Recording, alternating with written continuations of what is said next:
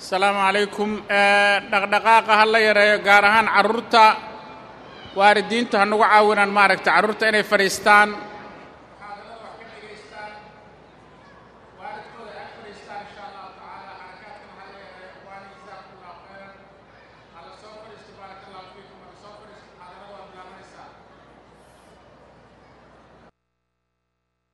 Alxamdu lilaahi rabb اlcaalamiin والعاقبة للمتقين ولا عدوان إلا على الظالمين وأشهد أن لا إله إلا الله وحده لا شريك له وأشهد أن محمدا عبده ورسوله. waxaan dhammaan ka codsanaynaa walaalaha rag iyo dumarba inay soo fadhiistaan waxaa bilaabayso muxaadaradii wakhtigu waa yar yahay cishihiina waa dhow yahay inta u dhexayso cishaha iyo saacadda hadda la jooga ayaan rabnaa inaan ka faa'iidaysanno rag iyo dumarba waxaan codsanaynaa in hadalka la yareeyo la aamuso waxaa bilaabayso muxaadaradii insha allahu tacaala ciyaalka in la fariisiiyo waalidiinta ciyaalka dhalay waan ka dacwoonnay in badan. Waxaan ka codsanaynaa ciyaalka wareegaya ee buuqaya ee muxaadarooyinka ka socon layihiin in aad soo fariisiisaan kuraasta agtiinna ah oad ku soo celisaan.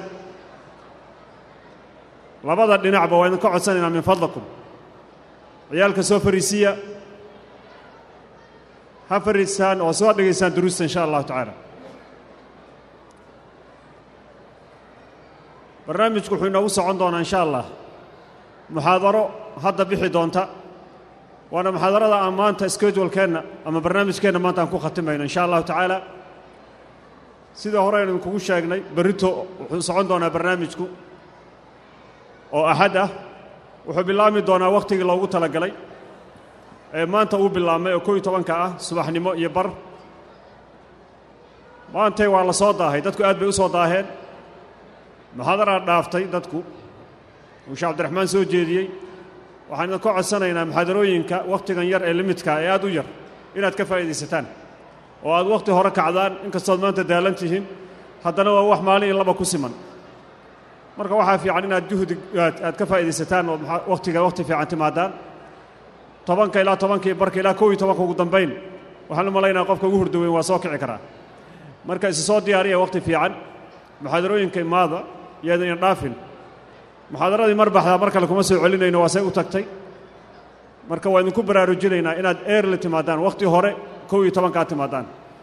Annagu skedulka ilaalinaynaa insha allah kow iyo tobankii barka muxaadarada waa bilaabaynaa cidna ma sugayno halka hadduu fadhiyo hal qof aan u akrinayna insha allah. Saas ku talagala qof walbow ka faa'iidayso wakhtiga sida maantoo kale ayay socon doontaa duruustu. Kow iyo tobankii barka subaxnimo ilaa laga gaaro tobanka iyo barka fiidnimo oo haddoo kale ah cishaha wakhtigiisa waxaa inoo bixi doono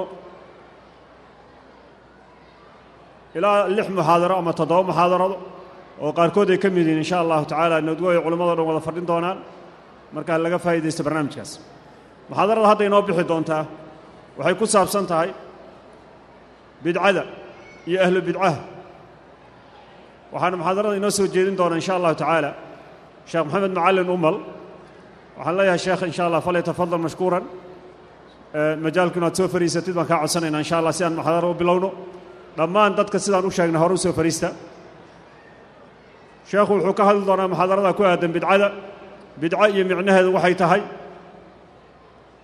Ma bidcada adduunka baabuurta iyo waxa soo siyaadaa laga hadli doonaa mise bidcada diinta ku soo dirsantaa laga hadli doonaa waxay ku aadanaan doontaa insha allahu tacaala wax allaala wixii diinta lagu soo kordhiyey oo aanan ka mid ahayn ayuu sheekhu qaada dhigi doonaa. Sida axaadiidta rasuulka sal ly slam ku maarata ay caddaynayso. Marka insha allah waxaan rajaynaynaa inaad ka faa'idaysataan dhammaantiin. Noqonnana insha allah kuwa dhegaysta kiisa wanaagsanna qaata. Qof walba ku talagal waxaad meeshan kala noqon lahayd inaad ku dadaasho. Waxuun inaad ka saa'idsato labadaa maalmood ee wakhtigaadii aad bixisay. Inaad faa'iido la noqoto aad ugu dadaal si fiican ha loo dhegaysto dumarka xaggooda gabdhaha yaryar weliba waxaan leenahay qaylada iyo sheekada iyo buuqa yareya waxaad u timaadeen ka faa'iidaysta. Shanqadha yareya insha allahu tacaala. Dhammaan ciyaalka yaryar ee bannaanka wareegaya soo fadhiista soo gala gudaha la soo xareeyo. Marka insha allah maqal wanaagsan. Falyatafadal sheekh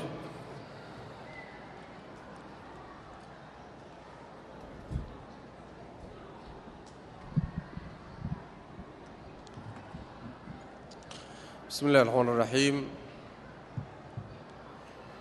إن الحمد لله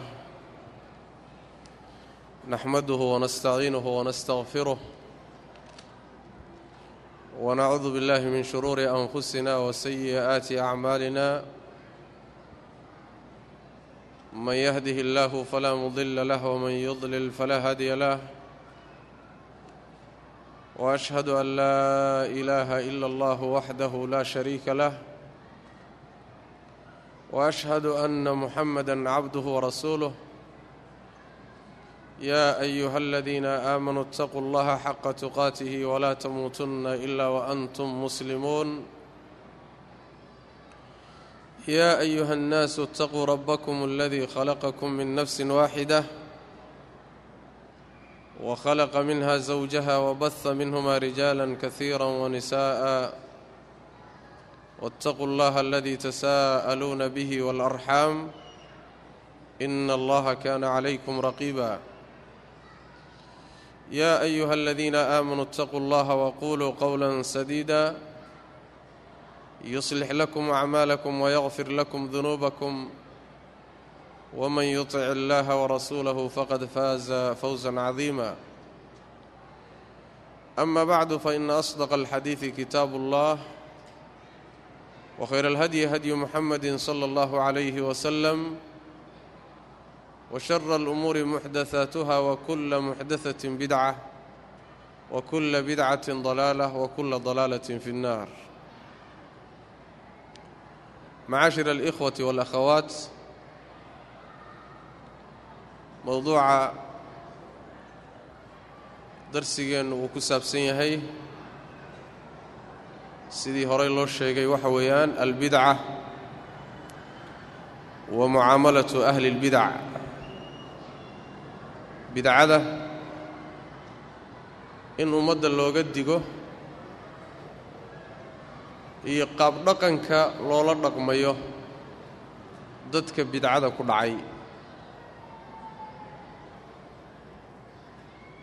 Innagoon wakhtigu uusan inoo saamaxaynin inaan muqadimo badan iyo hordhac fara badan ka bixinno mowduuca ayaan insha allahu tacaala waxaan gudageli doonnaa in qodobada ugu muhiimsan wixii ilaahay inaga waafajiya subxaana wa tacaala inaan ka nidhaahno muxaadarada ama kelimada ama darsiga. Waa marka koowaad horta bidca maxaa la yidhaahdaa culimmadu waxay leeyihiin qeexitaanno kala duwan laakiin macnahoodu isku meel imaanayo ayay bidcada ku qeexaan.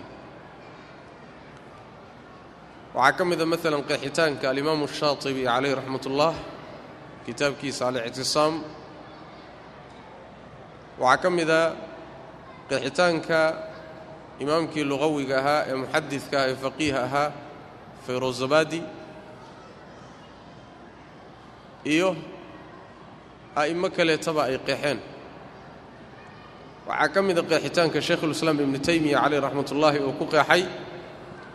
Bidco waxaa la yidhaahdaa maa khaalafa alkitaaba waاlsunna wa ijmaaca asalaf min alictiqaadaat waalcibaadaat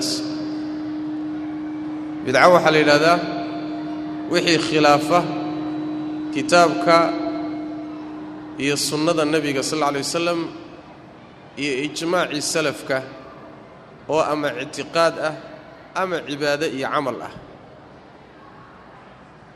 Meel kale wuxuu ku qeexay shaykhulislaam ibnu taymiya bidcada wuxuu yidhi waxaa la yidhaahdaa maa lam yashrachu allahu min addiin. Wuxuusan ilaahay jidaynin oo diin laga dhigayo ilaahay in loogu dhowaado laysku dayayo ha ahaatee aan lagu haynin kitaabka ilaahay iyo sunnadii nebiga iyo ijmaacii saxaabada iyo taabiciinta aan lagu haynin diinna laga dhigayo ilaahay loogu dhowaanayo taasaa bidcada la yidhaahdo. Sidaa markaan nidhaahno waxaa bidcada ka baxaya wax alla wixii adduunyo uun ku saabsan oo manaafacaadka adduunyada ah oo bini aadamku uu dib ka keenay oo yacni horumarka adduunyada ku saabsan asagu bidcada ma galo. Maalan horumarka horumarka tiknolojiyada iyo waxyaalaha bini aadamku dib ka ikhtiraacday ee ilaahay subxaana wa tacaala uga furay ee asraarta kownka ah bidaca ma galo. Maxaa yeele nebiga waxaa ka sugan sal alla alay wasalam inuu yidhi antum aclamu biumuuri dunyaakum adduunyadiinna arrimaheeda idinkaa u xoogogaalsan buu rabbi yidhi subxaana wa tacaala.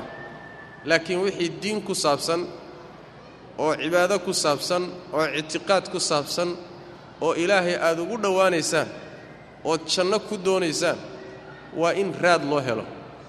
Waa in kitaab ilaahay loo helo sunnada nebiga laga helo ijmaacii salafki iyo dhaqankii saxaabada iyo taabiciinta iyo a'immada laga helo. Haddii laga waayo macnaheeda bidca la yidhaahdaa. Bidcada marka taasaa la yidhaahdaa axaadiista nebiga salawaatu rabbi wasalaamu calayh baa qeexitaankaa taqriiban laga qaadanaya. Rasuulku salawaatu rabbi wasalaamu calayh wuxuu inoo sheegay in ay imaan doonaan bidcadu ay imaan doonto. Waxyaala dib laga keeni doono oo dadka diin looga dhigi doono diintana aan ka mid ahayn inay dib ka imaan doonaan rasuulku waa sii sheegay salawaatu rabbi wasalaamu calayh. Waana ka digay rasuulku sal alla alay wasalam maalan hadalkii khudbadii aan hadda ku furfurannay muxaadarada ama darsiga nebigu sal alla alay wasalam khudbatulxaaja la yidhaahdaa mar kasta oo uu hadal bilaabayo ama darsi bilaabayo ama kelimo jeedinayo ama guur samaynayo nebigu salawaatu rabbi wasalaamu calayh kelimadaasuu hadalkiisa ku furfuran jiray. Aynu hadda ku furfurannay darsiga. Waxaa ka mida marka oo aad nebiga carabkiisa ugu soo noqnoqon jiray wa shara alumuuri muxdaaatuha arrimaha waxaa ugu shar badan waxyaalaha dib ka imaan doona ee diinta laga dhigi doono wa kulla muxdaatin bidca shay kastoo dib laga keenayna waa bidco wa kulla bidcatin dalaala bidco walbana waa baadi. Riwaayada nisaa'i waxay ku dartay wa kulla dalaalatin fi nnaar baadi kastana naarta iyo cadaabkay gelaysa. Hadalkaasi nebigu waa ku soo celcelin jiray salawaatu rabbi wasalaamu calayh. Macnaha waxay ku tusaysaa marka sida uu nebigu ummadda uga digay waxyaabaha dib ka imaan doona ee diin looga dhigi doono iska jira buu rasuulku uhi salawatu rabbi wasalaamu calayh. Xadiidka sidoo kale caanka ah cirbaad ibnu saariya ayuu nebigu salawaatu rabbi wasalaamu calayh axmed iyo tirmidi iyo abu daawuud iyo ay soo saareen. Yaa rasuulku wuxuu uhi sal alla alay wasalam innahu man yacish minkum fasayara ikhtilaafan kaiira ruuxii noolaadoo idinka idinka mid ah oo cimrigu ku simo iskhilaaf fara badan baad arki doontaan buu nebigu uhi salawatu rabbi wasalaamu calayh. Aad baa laysu khilaafi doonaa. Waa ka nebigu sheegay salawaatu rabbi wasalaamu calayh xadiidu aliftiraaq ilaa toddobaatan iyo saddex kooxood inay ummaddu u qaybsami doonto. Labi-iyo toddobaatan waa ahlunaar hal mid keliyataa naarta ka badbaadaysa. Marka iftiraaq iyo iskhilaaf fara badan baad arki doontaan buuni nebigii sal alla alay waslam ciddii noolaatay. Xalku muxuu yahay nebigu daawadii buu inoogu daray salawaatu rabbi wasalaamu calayh. Oo wuxuu yidhi facalaykum bisunnatii wa sunnati alkhulafaa'i alraashidiina almahdiyiina min bacdi. Cadduu calayha biاnnawaajid wa إiyaakum wa muxdathaati alumuur fa inna kulla muxdatatin bidca wuxuu nebigu yidhi sal alay waslam waxaad qabsataan aniga jidkayga iyo khulafaa'u raashidiinka jidkooda middaa ku dhaga oo weliba ku adkaada oo ku mitida yayna idinka fakannin gowska ugu dambeeya geliya buu nebigu uhi salawatu rabbi wasalaamu calayh. Shayga markaad doonaysa inuusan afkaaga ka dhicin baa gowska ugu dambeeya la geeyaa. Maxaa yaele haddaad foolasha ku qabato afka inaad kala qaaddaba waa kaa soo dhacaya. Laakiin hadduu gowska ugu dambeeya ku jiro ma soo dhacayo. Gowska dambe ku qaniina buu nebigu uhi salawatu rabbi wasalaamu calayh sunnadayda iyo dariiqadayda. Wuxuu nebigu ku daray sal alla alay wasalam waxaad iska jirtaan waxyaalaha dib laga keeni doono ee diin la idinka dhigi doono ee aan kitaab ilaahay iyo sunnadayda ku oolin kuwaa iska jira buu nebigu uhi salawatu rabbi wasalaamu calayh. Waxaa ummadda qaybiyey oo ummadda islaamka midnimadeedii burburiyey oo ilaa maanta qaybsankeeda sabab u ah bidcadaasaa asal u ah bidcooyinkaa jidkii nebigoo laga leexday salawaatu rabbi wasalaamu calayh iyo rag intay jeebkooda wax kala yimaadeen oo iyagu samaysteen diinta ilaahay ku daray subxaana wa tacaala oo yidhi diinta nebigay ka mid tahay salawatu rabbi wasalaamu calayh. Marka xadiidka cirbaad ibnu saariya nebigu ummaddiisa wuxuu kula talinayaa in bidcooyinka laga fogaado oo layska jiro oo ruuxa muslimkaa wuxuu ilaahay ugu dhowaanayo uu noqdo wuxuu hubo iska hubsaday. Kitaab ilaahay ka hubsaday sunnada nebigii axaadiistiisa saxiixee sugan uu ka hubsaday dhaqankii salafka iyo saxaabada uu ka hubsaday waxaad hubto oo dariiqii nebiga waafaqsan uun ilaahay ugu dhowow oo diin ka dhigo. Laakiin wax walboo la sheego oo la soo gaadhay oo wadaad baa yidhi keliyata uun inaad diin kaga dhiga tahay waa taa nebigu ka digaya salawaatu rabbi waslamu caleyh iska jira uu lehy rsulku sal lla lay waslam alimaamu shaafici calayh raxmatullah isagoo oo muujinaya khatarta ay bidcadu leedahay ayaa wuxuu yidhi lian yubtala alcabdu bikulli denbin maa khala ashirka biاllaah khayrun min an yubtalaa bishayin min hadihi alahwaa. Buud ruuxa in lagu imtixaanoo lagu ibtileeyo dembi kasta oon shirki ahayn ayaa u dhaama in lagu ibtileeyo bidcooyinkaa iyo ahwaadaas ahlulbidacu ay wataan wax ka mid ah macnaheeda waxa weeye yacnii wax shirki ka soo hadhay oo addoonka lagu ibtileeya waxaa ugu weyn bidcooyinka iyo dariiqooyinka nebiga jidkiisii khilaafsan salawaatu rabbi wasalaamu calayh. Maxaa yeelay macaasida iyo dunuubta ruuxu hadduu khalad ku jiro macsiyo muuqato uu ku jiro waxay u badan tahay haddii ilaahay waafajiyo inuu soo noqdo oo ka toobad keeno. Laakiin bidcada lagama toobad keena inta badan. Waana midda uu leeyahay sufyaanu athawri calayh raxmatullaah imaam min a'immati sunna wuxuu leeyahay bidcada ayuu ibliis ka jecel yahay macsiyada.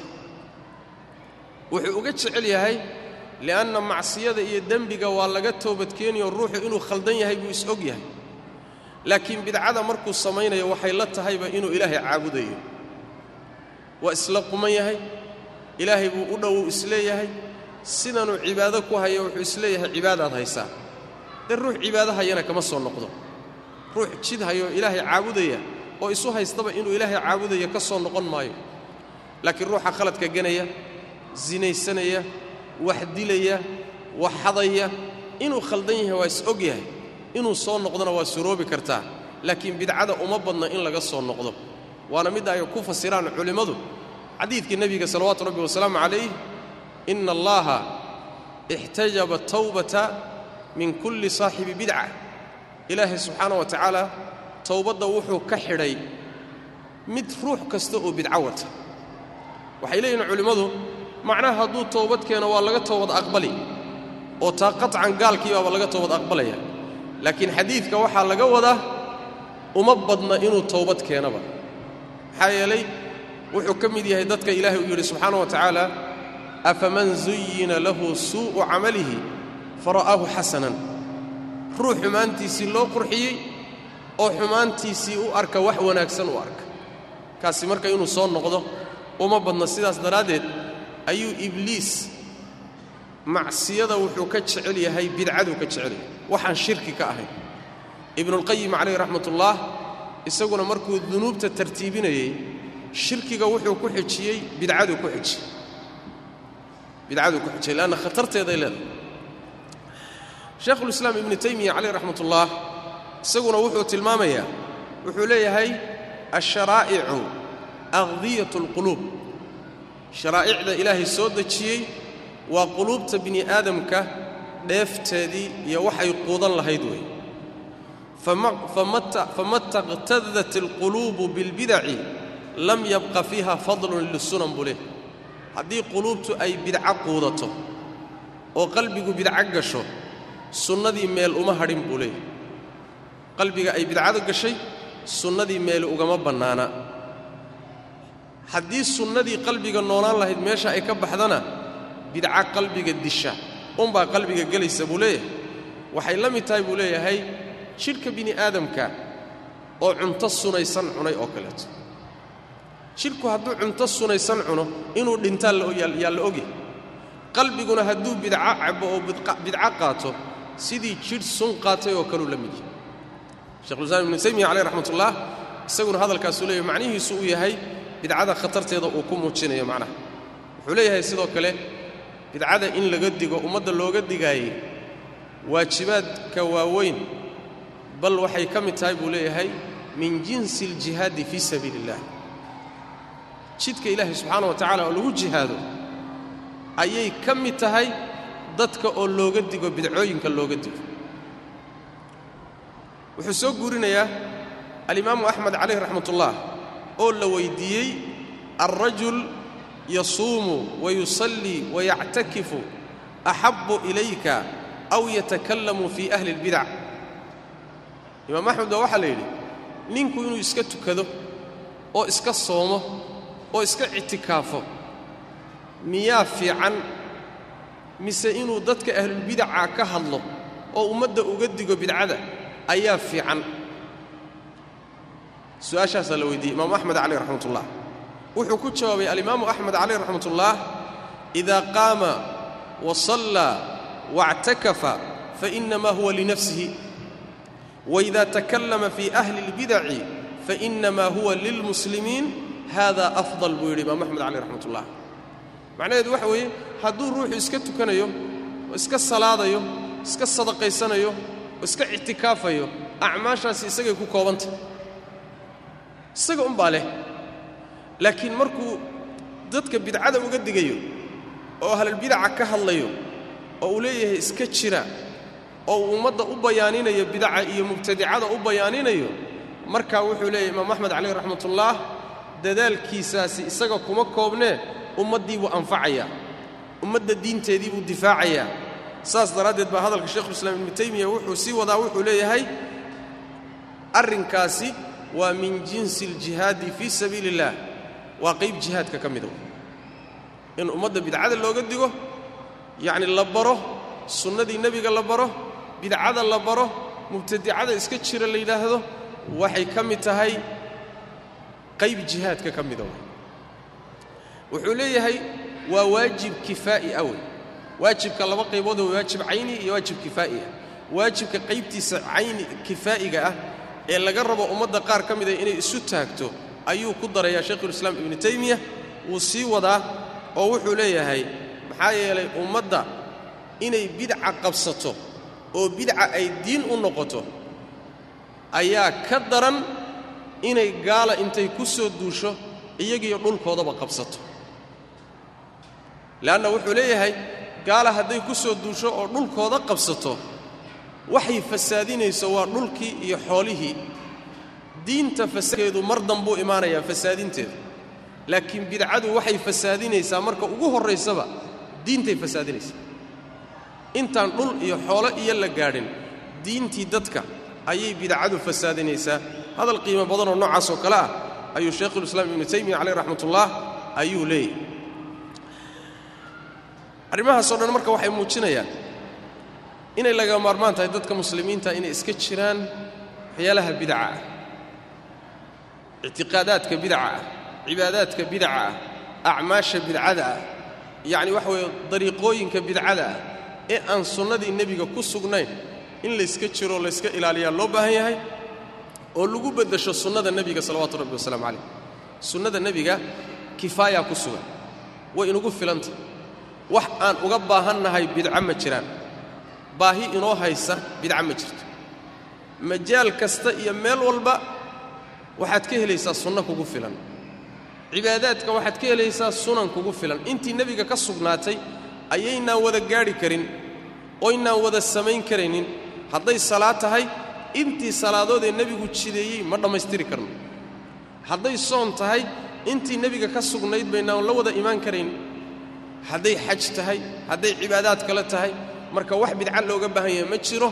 Waa in la qabsado sunnada nebiga salawaatu rabbi wasalaamu calayh wuxuu leeyahay shaykhulislaam ibnu taymiya caleyh raxmatullah assunnatu milu safiinati nuux buu leeyahy sunnada nebigu sal alla alay wasalam waa doontii nebi nuux oo kale wey man rakibahaa najaa waman takhallafa canha hariqa buuri doontii nebi nuux oo kale weeye sunnada nebigu sal alla lay waslam ruuxii fuulana waa badbaadayaa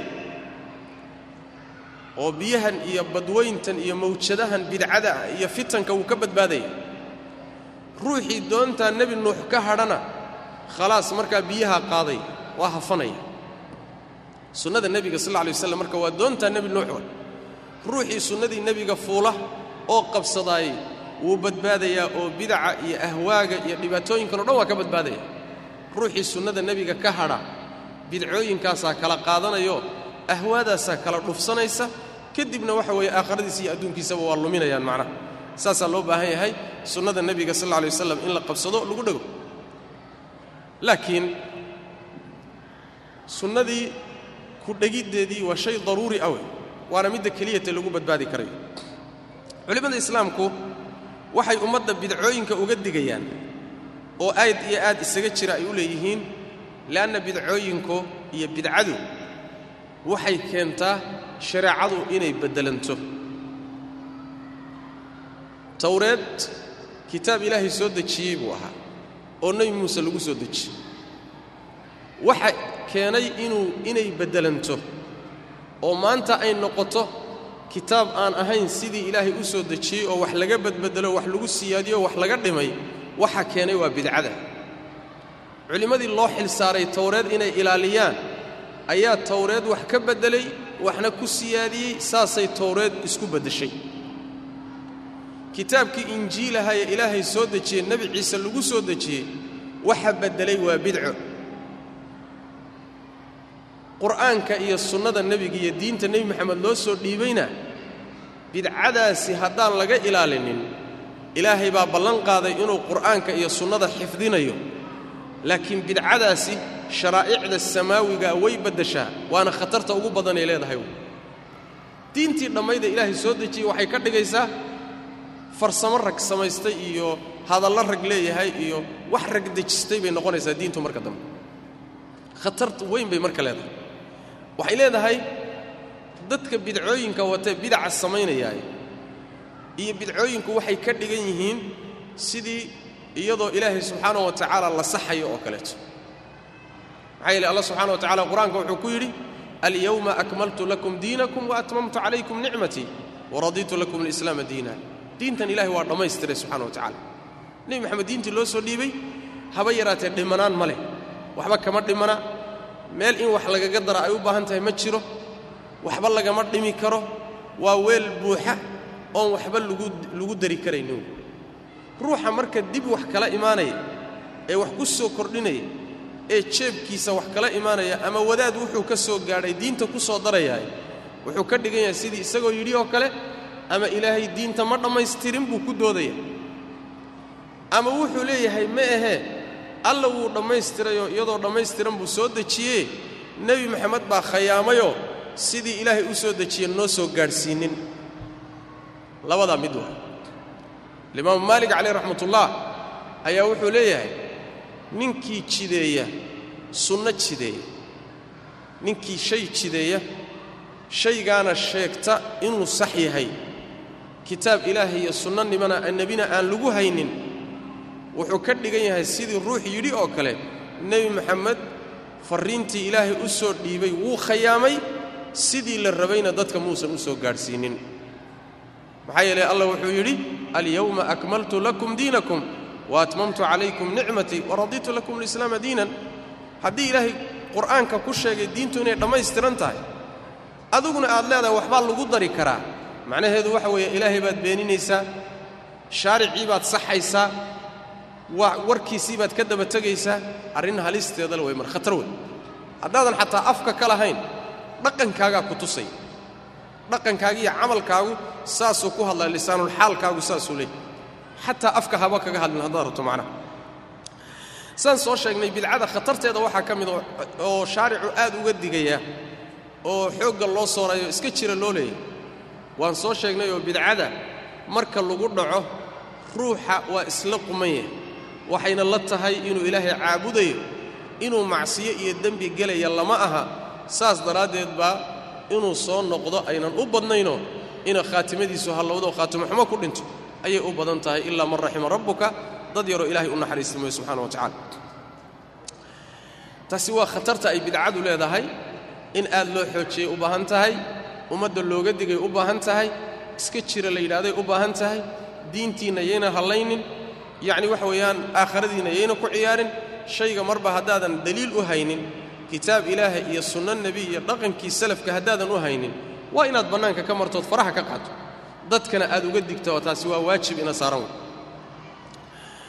shay walba laakiin shay walboo ilaahay subxaana wa tacaala uu jideeyo wuxuu leeyahay qawaaniin buu leeyahay nidaam buu leeyahay dawaabid buu leeyahay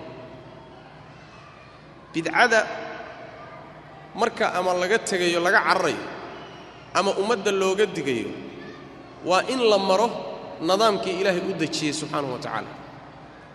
Rasuulku nidaamkuu dejiyey dhaqankii ay salafku ridwaanullaahi calayhim ama bidcada ku garan jireen ama qaabkay dadka uga degi jireen iyo nidaamkay u mari jireen waa in loo maro.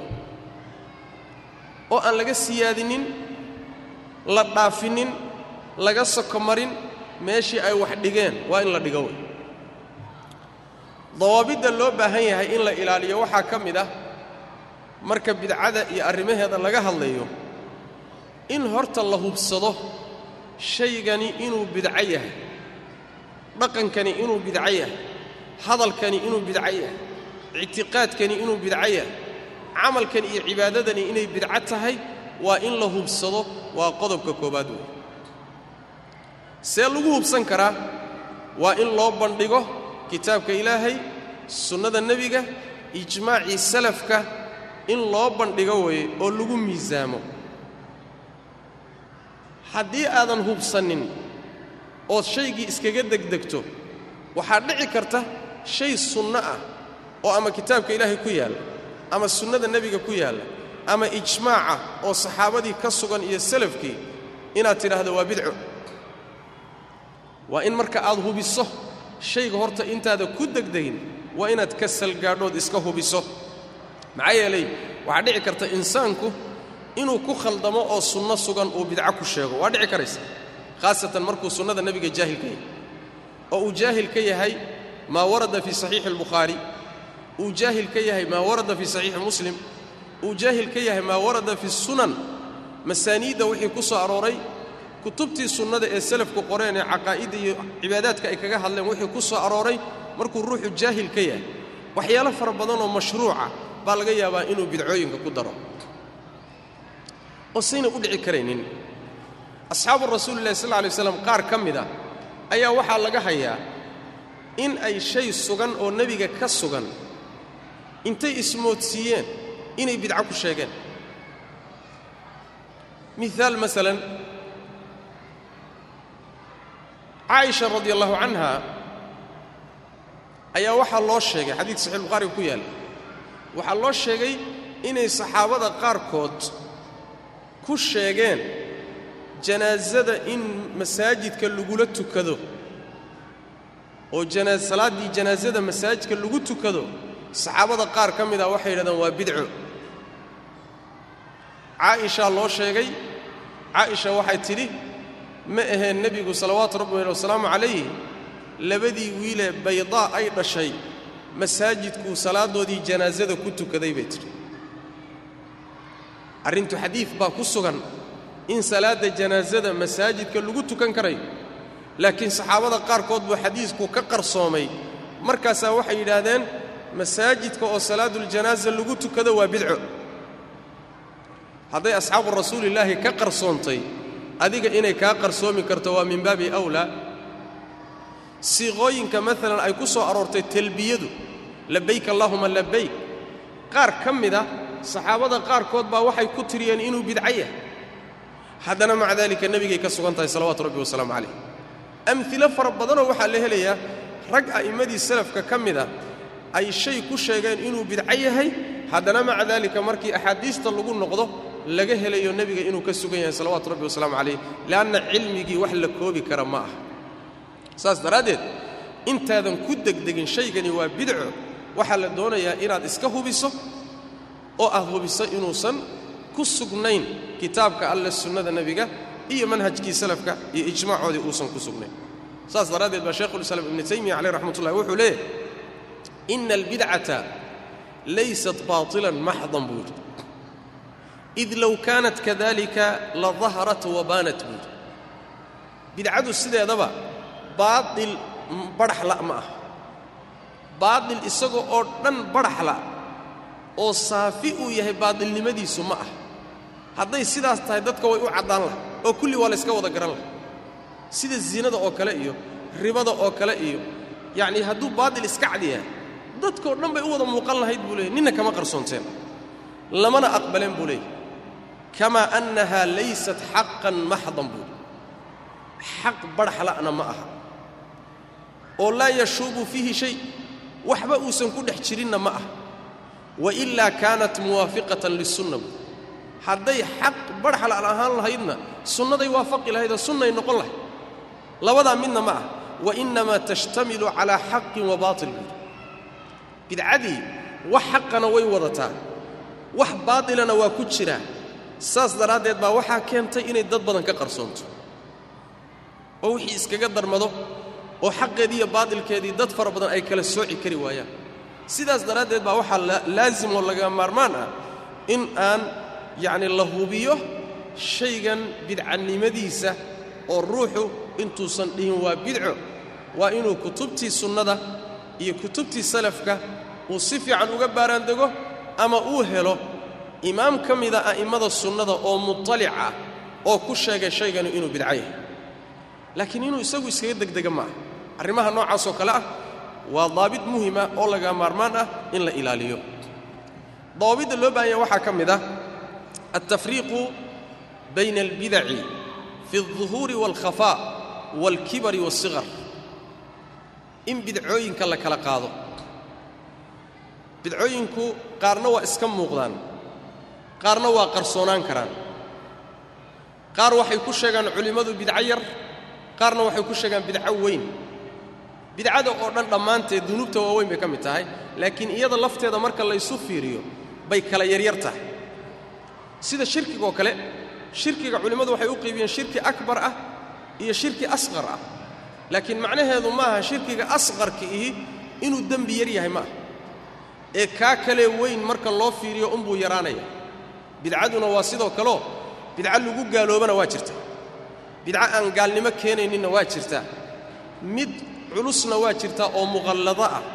Mid intaa ka sokaysana waa jirtaa wixii marka marka la miisaamayo waxaa loo baahan yahay bidcada in la kala qaado la kala tafriiqiyo siday u kala duwan tahay sunnadana uga kala fog tahay ay u kala sokayso waa in miisaanka loo saaro wey arrintaa isagoo tilmaamaya shaekhulislaam ibnu taymiya caleyh raxmatullahi wuxuu leeyahay wayakuunu ahluha calaa darajaatin minhum man yakuunu qad khaalafa alsunnata fii usuulin cadiima wa minhum man yakuunu inamaa khaalafa alsunnata fii umuurin daqiiqa buuli bidcadu waa darajaad buu leeyahy qaarkeed sunnada waxay ku khilaafsan tahay usuul waaweyn.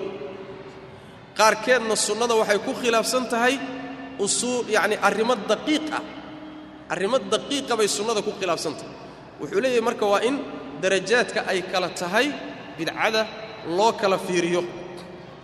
Waxaa ka mid ah alimaamu shaatibi calayh raxmat ullah ayaa isaguna wuxuu leeyahay albidacu tanqasimu ilaa maa yukafaru bihi wa ilaa kabaa'ir wa ilaa sakaa'ir bidcooyinku waxay u qaybsamaan mid lagu gaaloobo mid dembi waaweyn ah iyo mid taa ka yaryar bay u qaybsantaha alimaamu shaatibi caleyh raxmat ullah isagana kitaabkiisa alictisaam buu sidaa ku leeyahy ibnu taymiya caleyh raxmat ullah wuxuu kala dhowaynayaa ragga bidcada ku dhacay.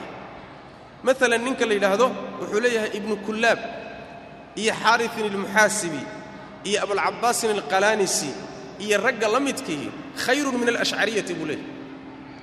Firqooyinkii xataa mubtadicada ahaa buu leeyahay bacduhum aqrabu ila asunnati min bacdin qaarkood baa qaarka kale sunnada uga dhowaansho badan. Ayagoo kulligood bidco ku dhacay baa haddana bidcadoodaa kale waaweyn. Bidcadoodaa kale culus bidcadoodaa kala yacni waxa weeyaan miisaan weyn.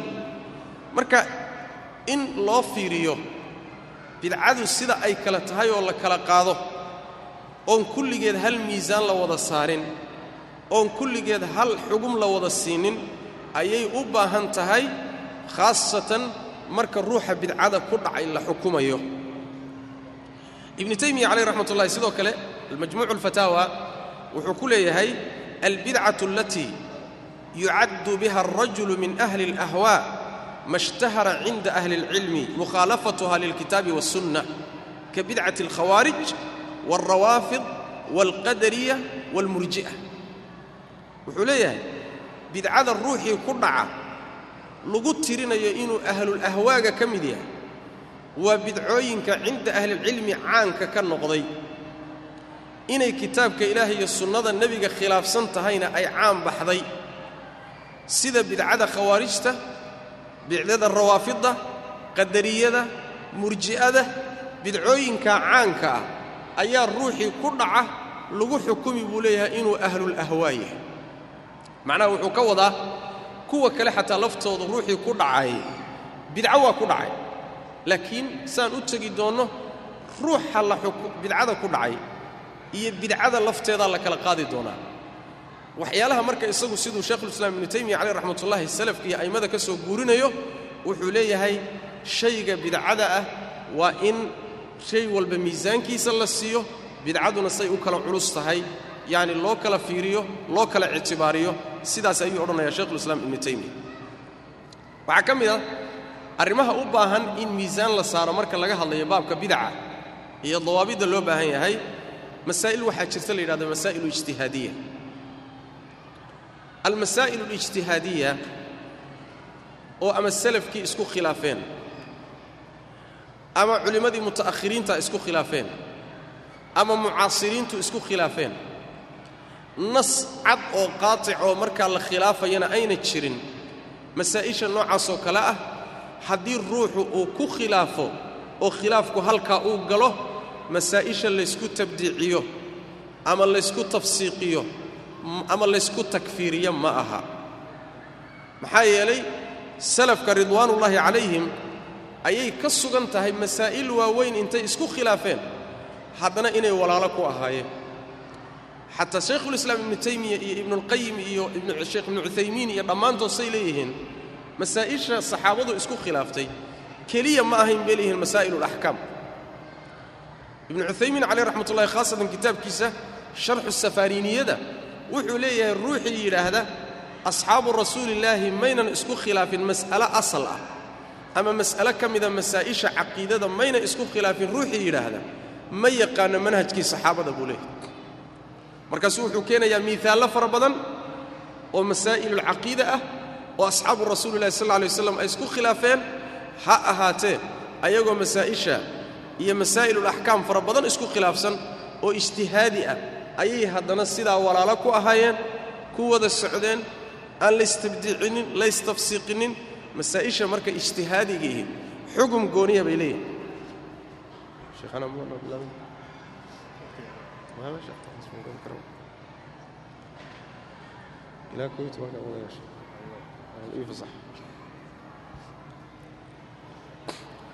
arrimaha iyaga ah ayuu ibnu taymiya caleyh raxmatullaahi iyo culimo kaleetaba ka hadlayaan masaa'il fara badan buu soo guuriyey oo maalan waxa weeye kama wada gaarhi kara hadalkiisa inaan inaan sheego laakiin maalan wuxuu leeyahay hadalkiisa ka mida ina ina min masaa'il اlictiqaad alatii waqaca fiiha khilaafun bayna ahli الsunnati wاlاtibaac mas'alaة ru'yati اlkufaar rabbahum fi اlaakhira waxaa ka mida masaa'isha gaaladu rabbigooda ma arki doonaan aakhara ma la tago mise arki maayaan salafkii baa isku khilaafay wuxuu leeyahay jumhuuri ahli sunna waxay qabaan gaaladu inaysan rabbigooda aakhare arkaynin cala aliطlaaq culimmada qaar ka midana waxay qabaan inay arki doonaan kadibna alle iska xijaabi doono. Khaasatan munaafiqiintu carasaatu alqiyaama inay ku arki doonaan alleh kadibna alle iska xijaabi doono mas'aladaa markuu ibnu taymiya ka hadlaya wuxuu yidhi laakiin mas'aladan iyo masaa'isha la midka ah aadaabta waa in la ilaaliyo soo socota. Maxaa ka mid a?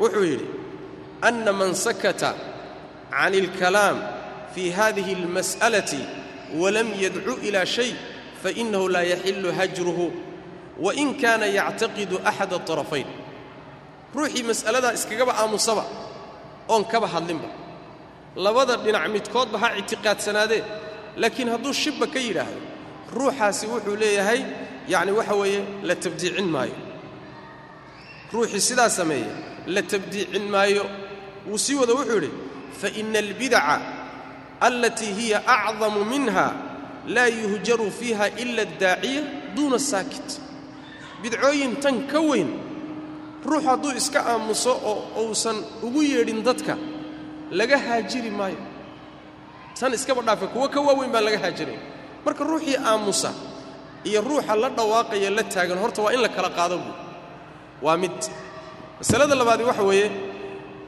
annahu laa yanbagii liahli اlcilmi an yajcaluu hadihi اlmas'ala mixnatan wa shicaaran yufadiluuna biha bayna ikhwaanihim wa addaadihim ma habboona buu leeya mas'aladan iyo masaa'isha la midkaa inay dadka ahlilcilmigii ka dhigaan mas'ale ay dadka ku imtixaanaan oo u noqoto astaan dadka colka ay yihiin iyo dadkay wada socdaanee saaxiibbada yihiin mas'ale ay astaan uga dhigaan oo ku kala saaraan inay ka dhigaan ma buu leey ma aha buu leey macnaa fa inna midla haada mima yakrahuhu allahu warasuuluhu arrimahaasoo kale ilaahay iyo rasuulkiisu waa necab yihiin buu leey masaa'isha marka noocaasoo kale ah ee xataa masaa'ilul haba noqdeen ictiqaadee salafka dhexdooda khilaaf dhex maray iyo masaa'ilul axkaam oo salafka ay isku khilaafeen masaa'isha ijtihaadiga ah ictibaar gooniyay leedahay wasan gooniyay leedahay khaanad gooniyay ku jirtaa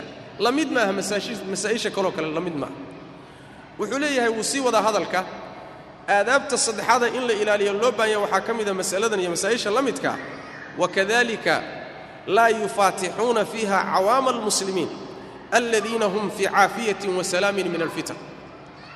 Masaladan iyo masaa'isha la midkaa in caammada muslimiinta iyo dadweynaha la horgeeyo oo lagu imtixaano ay caafimaad ka qabaan oo laguba ibtilayninba in yacni la horgeeyo ma habboona buu leeyahay. Laakiin ida su'ila alrajulu canha aw ra'aa man huwa ahlun litacriifihi dalika alqaa ilayhi mima cindahu maa yarju nafca bihi. Laakiin haddii la weyddiiyo ruux oo su'aali ku timaaddo isagoon caammada horgaynin su'aal ahaan baa loo weyddiiyey cidduu is leeyahay markaa waa ka faa'iidaysanayaa waa u sharxi karaa waa u sheegi karaa waa u caddayn karaa. Laakiin mas'alo caammada lagu imtixaano waa inaysan noqonin ahlulcilmiga dhexdooda iyo ducaadda lagu imtixaano waa inaysan noqonin. Waa inaysan noqonin mas'alo lagu istaajiyo alwalaa walbaraa alwalaa walbaraa maxaa yeelay asxaabu rasuulillaahi baa isku khilaafay. Ayagoo isku khilaafay bay walaalo ku ahaayeen. Annagana yasacunaa maa wasicahum. Wixii iyaga waasac u noqday annagana waasac buu noo yahay waxaa ka mida maalan masaa'il fiqhiya oo wasankooda leh asxaabu rasuulillahi sal alay wasalam taariku salaadku ma gaalba mise waa muslim bay salafku isku khilaafeen. Baynamaa saxaabada ijmac laga soo guuriyey inay isku waafaqsanaayeen inuu gaal ahaa. Haddana milladun cahdigii zuhri taabici saqiira buu ahaa inkastoo saxaabadu uusan waxba ka warinin iyo a'immatlarbaca iyo cahdigoodiiyo wixii ka dambeeyey masaladu masale khilaafiyay noqotay. Haddana maca daalika masaladaasoo wasankaa leh walaalay ku ahaayeen ismayna gaalaysiinin isma tabdiicinin iskamayna beri noqonin ayadoo mas'aladu culayskaa ay leedahay bay haddana walaalo ku ahaayeen.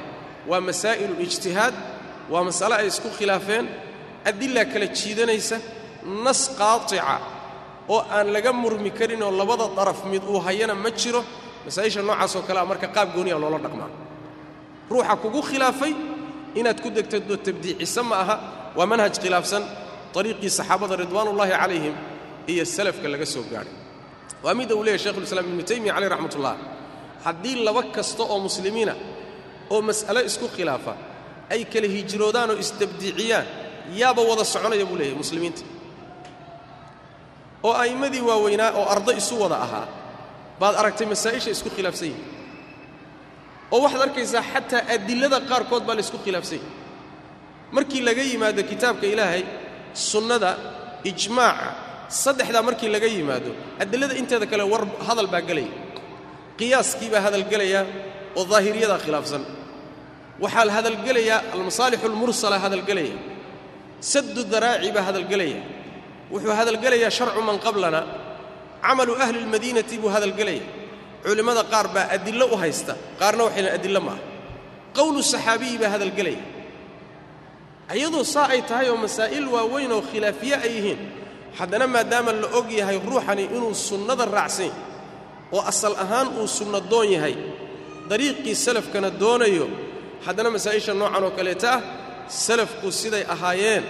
Annagana waa inaan ahaanno ma aha in masaa'ishan oo kaleeto lagu dul istaajiyo mabda'u alwalaa waalbaraa oo aad tidhaahdo ruuxii ugu waafaqsanna waa walaalka. Isku koox isku dariiqaannuna ruuxii ugu khilaafsanna waa mubtadic mujrim ah oo in laga beri noqdoo laga haajiro. Maa haakada kaana manhaju salafi ridwaanullahi calayhim sidaa ma ahayn dariiqadii salafku ee masaa'ishan ijtihaadiga noocan oo kalea nas qaaticana markaa aan lahayn adilladuna kala jiidanayso. Ama masale ijtihaadiyo cumuumka adilada iyo qawaacidda caamka la hoos geynayaa masaa'isha noocaas oo kaleeta ah xugumkaasay leeyihiin oo qaabkaasaa loola dhaqmaa waxaa kaleeto iyadana daabit kaleeto in la ilaaliyo u baahan. Markii masalada bidcada laga hadlayo mubtadicada in la kala qaado ruuxa bidcada ku dhacay xugumkiisa iyo bidcada lafteedii bidcada lafteeda in la xukumo la yidhahdo shaygani waa bidco. Wuxuu u baahan yahay in laga hubiyo saan soo sheegnay kitaabka sunnada iyo manhajkii salafka. Laakiin ruuxii bidcada ku dhacay asaga xugmintiisa in lagu xukumo inuu mubtadic yahay shuruud kaloo dheeraaday u baahan doonto waa in la kala qaado wahaakada kaana manhaju salafi ridwan ullahi calayh farqun bayna an yaqaca almar'u fi اlbidca wa bayna tabdiicihi farqun bayna an yaqaca almar'u fi اlkufri wa bayna takfiirihi farqun bayna an yaqaca almar'u fi اlfisqi wa bayna tafsiiqihi farqi baa u dhexeeya markii ruuxa laf ahaantiisa la xukumayo laabudda min tawafuri الshuruuط waاntifaa'i اlmawaanic waa in la fiiriyo ruuxani maxaa u geeyey ma jaahilbaa waa in wax la baro maxaa u geeyey ma ijtihaad baa u geeyey iyo ta'awul ta'wiilka waa in laga saaro shubhada ku dhalatay waa in laga saaro maxaa u geeyey waxa u geeyey waa in la baadho ruuxii waa in iqaamatulxuja lagu sameeyo waa in shubhada laga saaro. Haddii markii wax loo caddeeyo kadib uu ku sii adkaysto ayaa markaa shakhsiyaddiisa la xukumi karaa oo mubtadic la odhan karaya waa midda uu leeyahay shekhulislaam ibnu taymiya calayh raxmatullah laysa man waqaca laysa kullu man waqaca fi lkufri yakuunu kaafiran. Ruux kastoo gaalnimo ku dhacay gaal ma noqdo. Ruux kastoo bidco ku dhacayna mubtadic ma noqdo. Bidcadii isagoo ku dhacay baa haddana dhici kartaa inaan bidca lagu xukumin waa in la kala qaado marka ruuxa xugumkiisa iyo ficilkan iyo dhaqankan uu ku dhacaye bidcada ah xugumkiisa labadaasi sidaasi waa dhaqanka laga soo gaalay. Salafka ridwaanullaahi calayhim dhowr miiaal baan kaga baxayaa. Miaalka koobaadi waxa weeye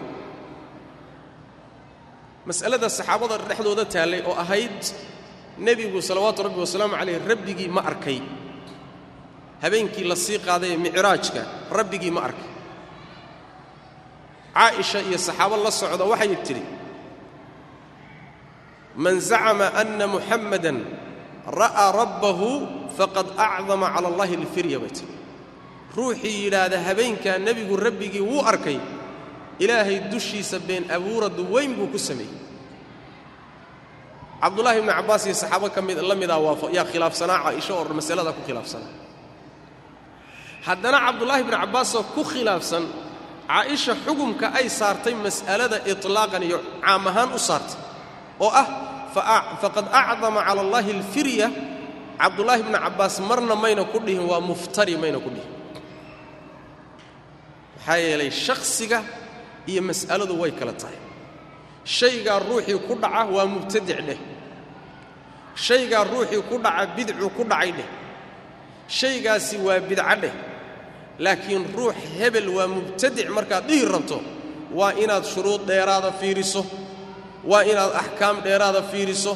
Waa inaad mawaanicdii meesha ma ka baxday fiiriso. Waa inaad yacni waxa weeyaan taxadar dheeraada waa in laga sameeyo.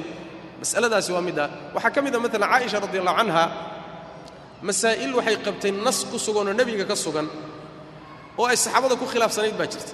Waxaa ka mid a maalan waxay qabtay maydku markii qabriga la geliyo kadib inuusan waxba maqlaynin oo dadka adduunka jooga hadalkooda iyo shanqadhooda uusan maqlaynin. Maca daalika nas bay nebiga kaga sugan tahay. Saxaabaduna waa ku khilaafeen. Masaladuna waa masale caqiidaa wey masale caqiidaa wey maca daalika caaisha radi allahu canha arrintaa iyadaa saxaabadu khalad unba waa khaldantay oo deliilka ka qarsoomay unbaa la yidhi mooye bidcay ku dhacday lama dhihin leanna way ijtihaadday intii aqoonteedaabay hadashay. Ijtihaadkeedana waa ma'juurado ajir bay ku leedahay. Ayada marka arrinta ay ku samaysay naskii waa khilaafsan tahay laakiin ayada markaan xukumayno waxay u baahan tahay ruuxa marka la xukumayo. Yacni waxa weeyaan shuruud tiraada iyo mawaanicdii in la fiiriyo u baahan tahay. Waxaa ka mid a masaladan hadda soo sheegayna shekhulislaam ibnu taymiya caleyh raxmatullahi ka hadlayey gaaladu aakhare rabbigood ma arki doonaan. Oy salafku isku khilaafeen waa masale caqiidaa iyadan haddana maca daalika raggaa isku khilaafsan isma tabdiicinin. Isma tabdiicinin. Masaa'ishaasoo dhan waxay u baahan tahay marka yacni in la kala qaado ruuxa shakhsigaee bidcada ku dhacay iyo bidcada lafteeda. Waa qaacido muhima qawaacidu ahlusunna waljamacana ka mid ah.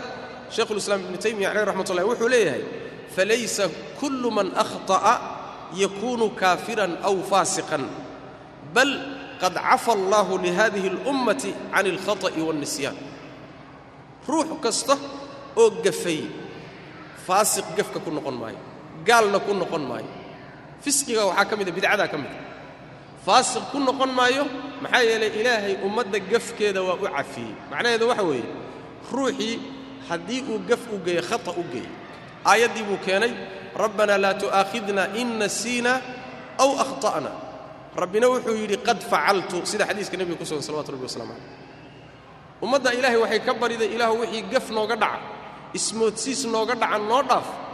Rabbina wuxuu yidhi waayaha waan idinka yeelay. Khata'a marka waxaa keeni kara jahli baa keeni kara waxaa keeni kara ta'awul baa keeni kara. Wixii khata u dhaca ijtihaadna ruuxa u geeyo shaygii waxaa la dhahayaa waa khalad laakiin isaga niyadiisu hadday fiicantah. Sunnadii ku dadaalna uu is leeyahay jid bidcana qabso uusan islahayn. Markaasi waxa weeyaan ruuxaasi waa in yacni xukmintiisa isaga shakhsiyan waa in laga dadaalo oo la kala qaado alxukmu alcaam iyo xukmu lmucayanka waa in la kala qaado.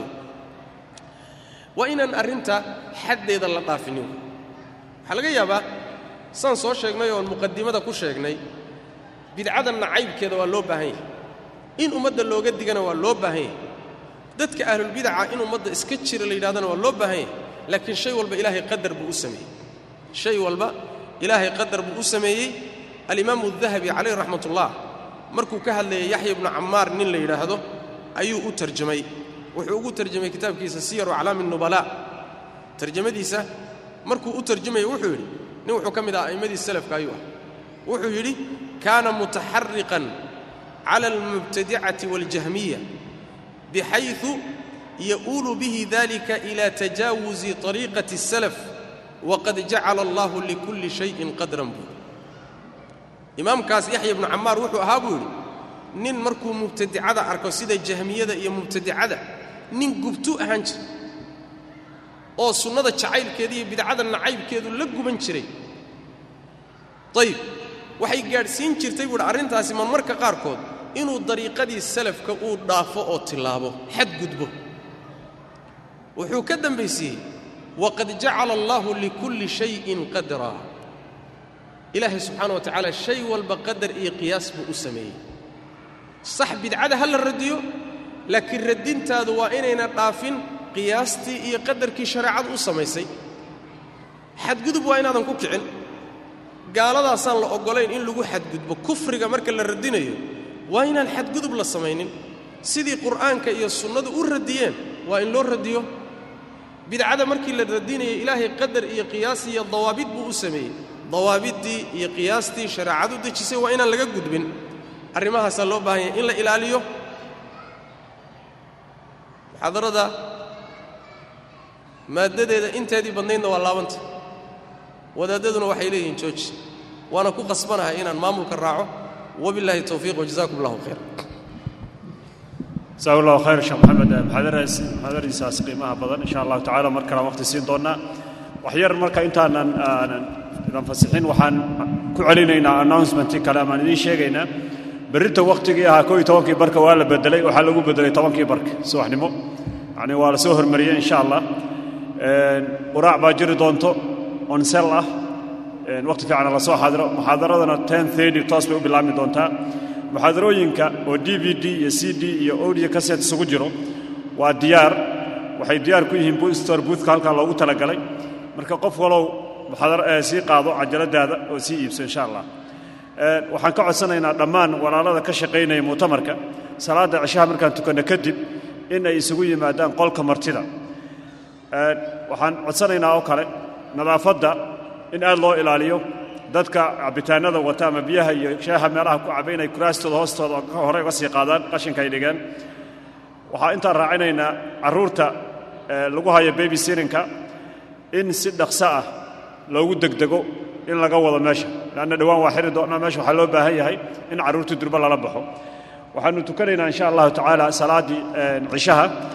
Waxaan raacinayaa insha allah intaydaan kicin. Hal su'aal oo maaragtay soo gudubtay ayaan insha allahu tacala sheekha weydiin doonnaa qofka su'aashan soo gudbiyey wuxuu leeyahay ma u bixi karaa saddex maalmood ama toddoba maalmood sida ay jamaacadu tabliiqa samayso oo kale. Tabliiq ma samayn karaa oo khuruuj ma samayn karaa ma bixi karaa insha allah su'aashaasan sheekhuu ka jawaabaya iyadana ku koobaya insha allahu tacaala. Kadibna announcement ayaa waxaa noo raacin doonaa jamaal kale biidn illahi tacala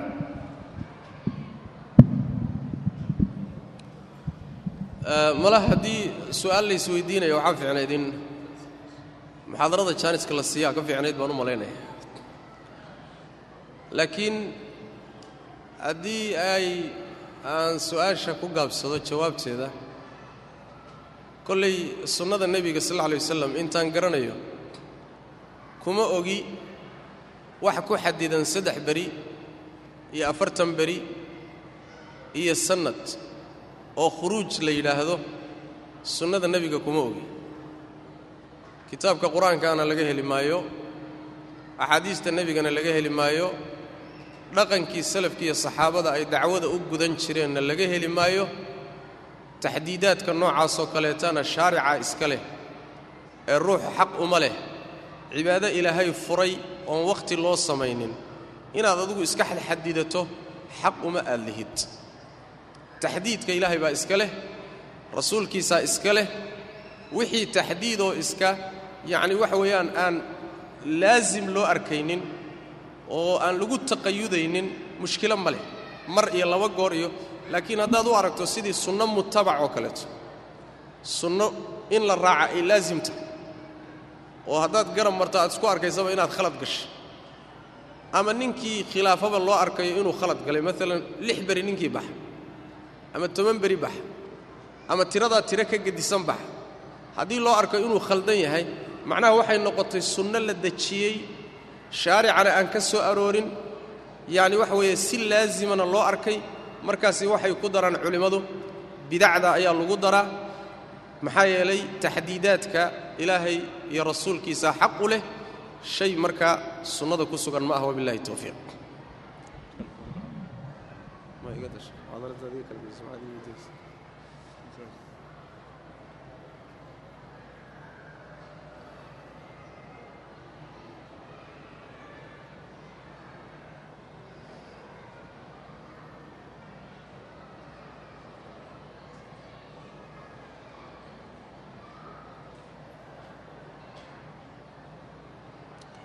su'aashani waxay leedahay haddii nin culimmada ka mida uu ku sheego nin culimmaa oo kaleeto waa mubtadice ka fogaada oo yaan loo dhowaanin ma la yeelayaa hadalkiisa oo ma laga fogaanaya? Maaddada aan soo waday bay ka mid tahay dawaabid bayna leedahay. Marna hadalka sheekha waa la qaadan marna la qaadan maayo. Maaddo u baahan waaye in dawaabiddeedoo dhammaystiran la dhiibo. Laakiin lama dhihi karayo ninka culimmada ee yidhi hebel iska jira. Hadalkiisa si duuduuban yaan la qaadanninna lama dhihi karayo. Si duuduuban ha loo qaato qaacido guudna lama dhihi karayo. Laakiin waxay ku khuduucaysaa sheekhaas hadalkiisa iyo waaqica uu ku yidhi iyo sawaab ma yahay iyo waxa uu ka sheegay ninka uu ku sheegay wax jira ma yahay. Dawaabid fara badan bay ku xidhan tahay. Wabillahi towfiiq